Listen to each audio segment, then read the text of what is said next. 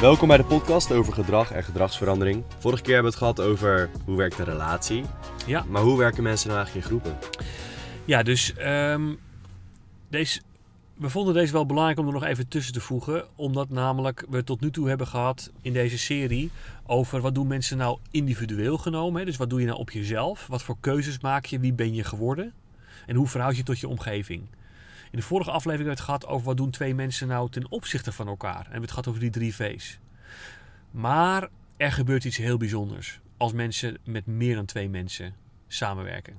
Er gebeurt iets heel bijzonders als je kijkt naar groepjes, groepen, hele grote groepen mensen. Daar zitten bepaalde mechanismes in die opeens, zo lijkt het, onze individuele wensen en, en normen en waarden wegdrukken. En die opeens een soort eigen leven begint te leiden binnen de groep. We blijken hele sociale dieren te zijn, zou je kunnen zeggen. Althans, ik denk dat de mens een type dier is. Uh, we blijken hele sociale dieren te zijn, die uh, liever met elkaar optrekken, ook in negatieve zin, uh, dan dat we zelf eerlijk, oprecht, authentiek en volgens onze eigen normen en waarden blijven leven. Dit zie je in organisaties plaatsvinden, waarbij teams uit elkaar vallen omdat binnen die teams subgroepjes ontstaan. Je ziet het in organisaties plaatsvinden waarin locaties, afdelingen het tegen elkaar opnemen en uh, een soort competitiedrang ontstaat. Je ziet het in gezinnen ontstaan, waarbij uh, enkele mensen binnen het gezin samen optrekken ten koste van anderen. Families vallen om deze reden uit elkaar. Er zijn voetbalclubs die uh, uh, je, je uitnodigen om uh, te, te, te supporten voor het een of voor het ander. De mens in, de mens in groepen lijkt gedrag te vertonen waarbij je eigenlijk wat meer voor of tegen de anderen bent. Waarbij je wat meer samen bent, van ons bent. En wat je ziet gebeuren, en er zijn een aantal regels voor, wat leuk is om nog even te bespreken. Wat je ziet gebeuren is dat het mechanisme in groepen altijd op dezelfde manier werkt. Er zijn maar drie factoren die namelijk van een groep een team maken. En die drie wil ik met je doornemen. Vertel. Nou, uh, er is een leuk uh, voorbeeld um, wat ik zo aan ga halen aan de hand van deze drie. Uh, of laat ik het voorbeeld nu erbij halen. Er zijn motorclubs. Je ziet ze wel eens rijden op de snelweg. De hesjes met de logo's achterop. En je hebt een aantal motorclubs die uh, zichzelf one-percenters noemen. En die one-percenters, dat zijn mensen die zeggen... wij zijn eigenlijk onderdeel van de 1% die boven de wet staat. Voor ons gelden wetten niet. En uh, motorclubs zijn vaak gelieerd aan bijvoorbeeld het criminele circuit, et cetera. En in Nederland zijn motorclubs inmiddels dan ook verboden. Maar hoe komt dat? Nou, dat komt omdat naak motorclubs ontzettend goede teams zijn. Ze worden clubs genoemd, alsof het een soort van zaterdagmiddagding is, wat een beetje freewheeled, zeg maar. Maar er zijn zelden zulke goede functionerende teams geweest als motorclubs. En hoe komt dat? Dat komt omdat ze alle drie de factoren waar ik je nu over ga vertellen, tot in de perfectie hebben geregeld. De eerste van de factoren is, er moet een externe vijand zijn voor de groep. Er moet iemand zijn, er moeten mensen zijn waar we naar kunnen wijzen en zeggen: zij zijn de tegenstander. Het blijkt dat mensen veel beter gaan samenwerken als er een tegenstander is. Er kan een tegenstander zijn in een gezin, er kan een tegenstander zijn in een team, er kunnen tegenstanders zijn in een organisatie en voor een motorclub is er een tegenstander en die heet justitie, politie, noem het maar op. Het kan ook zijn dat de motorbende zegt er is een tegenstander die heet de andere motorclub. Motorclubs die uh, die concurreren ook met elkaar. Er is een fantastische serie uh, uitgegeven een aantal jaar geleden. Die heet Sons of Anarchy. Uh, dat, is een zeven, zeven uh, durende serie. Waarin je op de Hells Angels wijze. Er zit ook een van de Hells Angels is ook acteur in de serie. Waarin op een hele, op een hele traditiegetrouwe wijze wordt gekeken naar hoe die motorclubs functioneren. En die motorclubs zijn ultiem verbonden intern. Omdat ze altijd op de hielen gezeten worden. Externe druk is dus blijkbaar iets wat mensen nodig hebben om samen te werken, zou je kunnen zeggen. Factor 1. Factor 2 is, zijn we intern binnen het groepje met elkaar afgestemd? Zijn we het eens over onze normen en waarden? Over wat onze opdracht is? Zijn we het eens over kledingrituelen?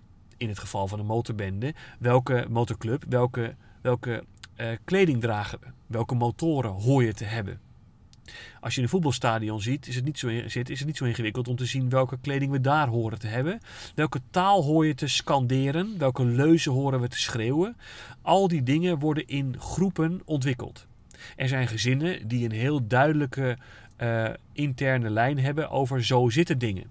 Zeker in gezinnen waar bijvoorbeeld religie centraal staat, zie je het een heel duidelijk manifest is over hoe we ons horen te gedragen. En we horen het allemaal hetzelfde te doen. Rechtvaardigheid binnen de groep is extreem belangrijk. Dat zie je ook in die motorclub bijvoorbeeld terug, waarin de buit ook wordt verdeeld. Um, eerlijk wordt verdeeld. En dat is ook een belangrijk principe. Vroeger, als je in gelooft, in de evolutietheorie, dan hadden we een kampvuur waarbij de dorpsoudste met elkaar zat en zei van hoe gaan we het doen met elkaar, met ons groepje, hoe gaan we die externe vijand, dat beest uh, wat we moeten uh, doden om te kunnen eten, of die andere, die andere stam die we moeten verslaan, hoe gaan we dat doen? En dat is wat mensen, denk ik, evolutionair meegekregen hebben, nog steeds doen. En wat we nu doen, is we zoeken dus in feite gelijkstemmige mensen om ons heen Zeker met social media niet heel ingewikkeld. En we maken subgroepjes met elkaar waarin we het met elkaar eens zijn over een bepaald onderwerp. Interne afstemming, factor 2. Een groep mensen heeft dus blijkbaar een externe vijand nodig, of we creëren een externe vijand. Een groep mensen heeft interne afstemming nodig, of we zorgen er wel voor dat je afgestemd bent.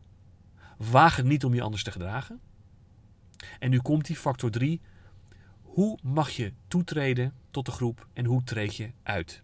Wat voor rituele dans hebben we? Soms letterlijk. Um, voordat je mee mag doen. Het klassieke beeld is dat drie collega's in een team met elkaar een WhatsApp-groepje besluiten te houden en een vierde persoon ook uitnodigen voor die groep nadat die persoon is gecheckt of die wel op dezelfde manier praat. En zo krijg je bijvoorbeeld een viertal binnen een klein groepje die intern afstemt via een WhatsApp bijvoorbeeld bericht. En bepaalt hoe de nare andere collega's zich allemaal wel niet verhouden tot die vier. Want zij zijn de vijand en wij zijn de vier mensen die het snappen, toch? De selectie van wie mee mag doen hangt dus af van wat voor taal je spreekt. En als je bereid bent de jasjes te dragen die ik draag, als je bereid bent om op de motor te rijden die ik uh, rijd, als je bereid bent om de dingen te doen die moeten gebeuren voor onze club, of die club nou een gezin is of die club is een motorclub, maakt geen moer uit, dan zie je dus dat men mee mag doen of juist als afvallige wordt gezien. Want als een afvallige word je buiten de groep geplaatst. Helaas, we hadden vier mensen in deze WhatsApp-groep zitten, maar jij doet echt rare dingen, Renzo. We halen jou uit de WhatsApp-groep. We gaan door zonder jou. Dit mechanisme, externe druk, interne afstemming en in- en uittredende, in, in, in- en uittredende mensen, is wat we continu zien als je kijkt naar groepen mensen. En wil je een cultuur van een organisatie, een cultuur van een team, de cultuur van een gezin, de cultuur van een familie, de cultuur in de straat beïnvloeden, moet je nadenken over deze principes. Wie is dan eigenlijk de vijand? Want blijkbaar is hij er. Welke mensen stemmen eigenlijk überhaupt met elkaar af? wat ik in organisaties vaak meegemaakt heb in de trajecten die ik heb gedaan, is dat de organisatie zegt: ja, deze, deze 35 mensen vormen een team. Nee, dat is je organogram. Dat is je schematische indeling. Dat is wie jij eh, bij je salarisadministratie hebt gelabeld onder team A. Maar wie een team is in het team, wie het met elkaar doen en wie met elkaar samenwerken, is nog maar de vraag. En wat je soms ziet bij cultuurproblemen is dat enkele mensen binnen een groter team samenwerken en het team saboteren. Of hun eigen wil opleggen of hun eigen route doen. Dit is het mee en als je deze mensen ook heel indrukwekkend, dat zien we bijvoorbeeld bij hooligans gebeuren. Mensen komen het voetbalstadion uit, die beginnen stenen te gooien naar de politie. En vervolgens in die groep zijn het vaak mannen. En die mannen die gaan dan in een soort van bui die agenten bekogelen. Als daarna de individuele leden van die hooligans in de rechtbank bevraagd worden, zitten er huilende mannen tegenover je. Die zich niet kunnen voorstellen dat ze dit ooit hebben kunnen doen. Want wat blijkt? De mens wordt overmand, zo blijkt, door iets, een stukje chemie, een stukje hormonen, een stukje hoe je het wil noemen, als we met elkaar samenwerken, ook als het destructieve samenwerking is, dan trekken we met elkaar op en worden er heel weinig tegenvragen gesteld, wordt er heel weinig weerstand geboden. Sterker nog, als je weerstand biedt, dan word je eruit geduwd. We hadden dus bepaalde staten in Amerika die eh, hun mondkapje niet droegen tijdens de corona-uitbraak, omdat namelijk corona niet waar was. En hele dorpen en steden zonder mondkapje rondliepen. Als er iemand wel zijn mondkapje opdeed, omdat hij zich aan de voorschrift hield, was die persoon een afvallige. En werd die persoon bespot en gekleineerd, want jij doet namelijk mee met die andere mensen. Cultuur is dus wat de meerderheid van de mensen van mening is. En, en mensen zijn dus bereid om hun eigen normen en waarden weg te schuiven. Of in ieder geval ja, weg te schuiven om bij de groep aan te kunnen sluiten. Absoluut. Ja. En hoe werkt roddelen daarbinnen? Roddelen is een, eh, is een, eh, een hele interessante. Wat, wat, wat is roddelen? En als we dan roddelen is in feite praten over andere mensen. En dan moeten we eerst even grijpen naar de functie van gedrag. Is dat nou aandacht vragen? Is dat nou vermijden? Is dat nou een concreet doel? Of is dat een fysiologisch lichamelijke behoefte? Nou, en wat roddelen is? Roddelen is in feite binnen een groep mensen ga je het hebben met de een over de ander. In feite om positie te bepalen. De, het nut van roddelen is dat ik ga, ik ga met jou praten over Kees. Ja, want die Kees, Renzo, die, die functioneert niet, joh. Want eh, ik heb gisteren eens gekeken, maar zijn haar zit helemaal niet goed en die is niet goed. En Renzo zegt vervolgens twee, of hij kan twee dingen zeggen. Of hij zegt, Lex, ik heb het liever niet over Kees. Of Renzo zegt, ja inderdaad, ik vind hem ook. En vervolgens weet ik, als Renzo mij gelijk geeft, hij is iemand aan wie ik iets heb. Hij is mijn compaan. Ik ben in positie ten opzichte van Kees samen met Renzo.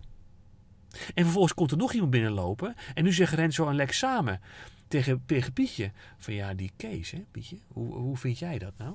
Ja, nee, dat, eh, ik, Renzo zegt nee, dat is helemaal niet goed joh. Die, die, die, die Kees die functioneert niet joh. Nee, zegt Pietje, dat, dat, dat, oh, is, dat, is dat zo? Heb ik nooit over nagedacht. Nou, ik zou er nog eens goed naar kijken als ik jou was, Pietje. Ja. En zo worden Pietje, Renzo en Lex een team. Want Kees is namelijk de externe vijand. We hebben zojuist Pietje laten intreden. En Renzo en Lex zitten op één lijn. En niemand die het ziet, want het gebeurt bliksemsnel, in onbewaakte momenten. Hm. En het is vaak onder de radar, in de onderstroom, waar dit soort processen zich afspelen. En, en kan het ook de, zou je kunnen zeggen, de status of de, de macht van een groep versterken? Als wij dus met z'n allen roddelen over een bepaalde groep mensen of, of individuen en, daar allemaal over, en het daar allemaal over eens zijn, kan het dan ons als groep versterken? Ja, en de vraag is of het dan nog roddelen is of dat het inmiddels niet gewoon een standpunt is. Ja. Dus dus ehm, inderdaad, eh, waarom, waarom gebeuren deze processen? Uiteindelijk om mensen te positioneren. Ik wil macht en daarom zoek ik medestanders om mij heen. En ik heb ook tegenstanders. Dus dit zijn ook zaken die dus Ja. tot polarisatie leiden. Zij zijn tegen ons, wij zijn met elkaar. En oh ja, we staan er alleen voor. En wat we moeten doen om af te stemmen, we spreken af. eh, ik, heb- ik heb meegemaakt dat, dat, dat, dat medewerkers van een organisatie op een externe locatie afspreken, omdat ze namelijk niet gezien willen worden, bijvoorbeeld. En, en zoiets simpels als WhatsApp, wat, wat 20 jaar geleden nog onmogelijk was, dat zijn dingen die nu heel instrumenteel ook zijn en heel makkelijk en laagdrempelig zijn, natuurlijk, die technieken om te gebruiken, om af te stemmen met mensen, om te kijken hoe mensen erin zitten. Ja. En het gaat dus vooral om, wij willen in positie zijn als groep. Wij willen macht, wij willen domineren. De, mannen die stenen gooien naar politie willen domineren. Ze hebben een dominantiedrang, zal maar zeggen. De, de, de, de motorclub wil graag goed voor zichzelf zorgen. En willen dat volgens hun eigen spelregels doen.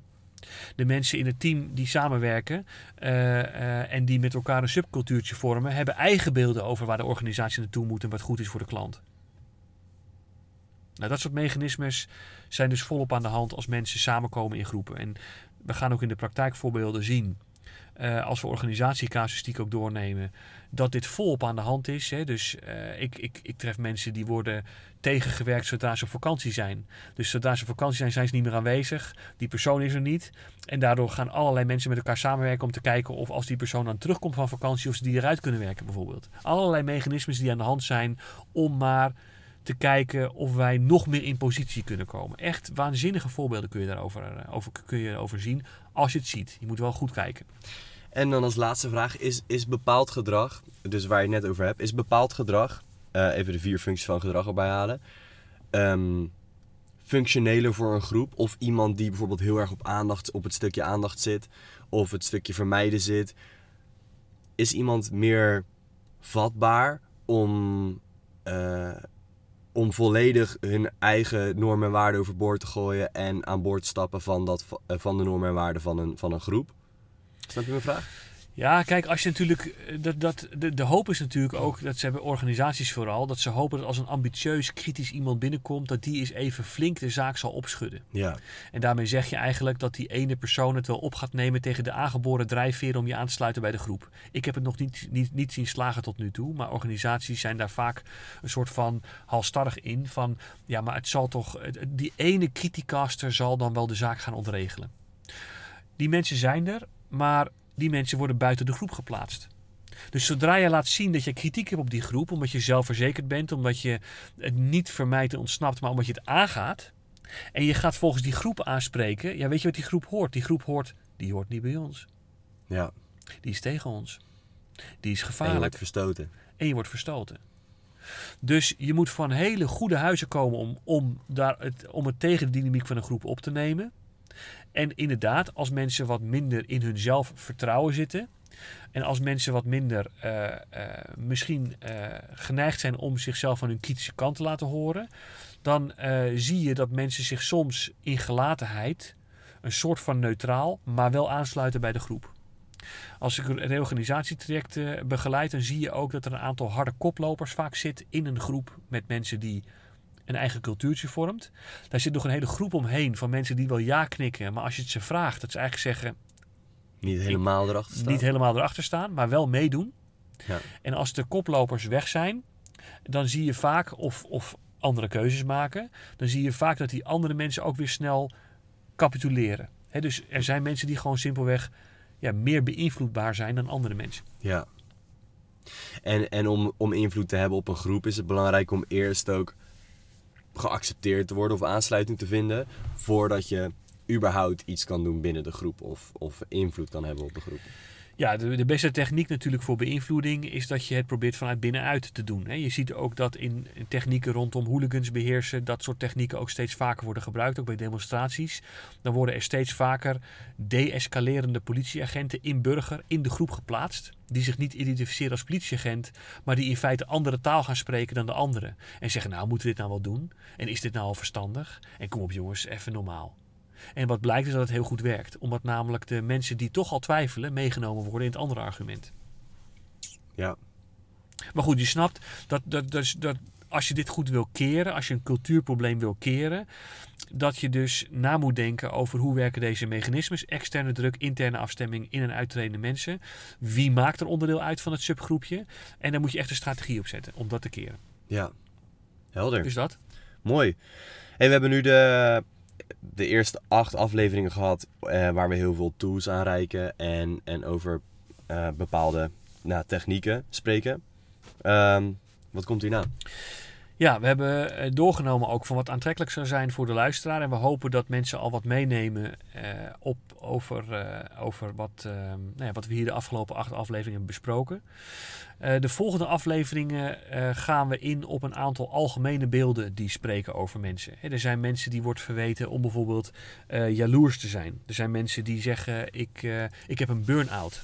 Er zijn mensen die eh, millennial worden genoemd, eh, inclusief eh, jijzelf. We hebben dus een aantal algemene beelden die we gebruiken, algemene woorden die we gebruiken om mensen te labelen. En wat misschien interessant is, is om eens een aantal van die labels door te nemen. Van wat, wat bedoelen we daar dan precies mee? Wat voor praktisch gedrag zien we daar dan eigenlijk gebeuren? Dan maken we het al iets meer concreet. Dan gaan we dat gereedschap inzetten om, dingen, om, om wat complexere dingen bij mensen te verklaren. Mee eens? Ja, eens. Mooi. Leuk. Op naar de volgende. Nice, op naar de volgende.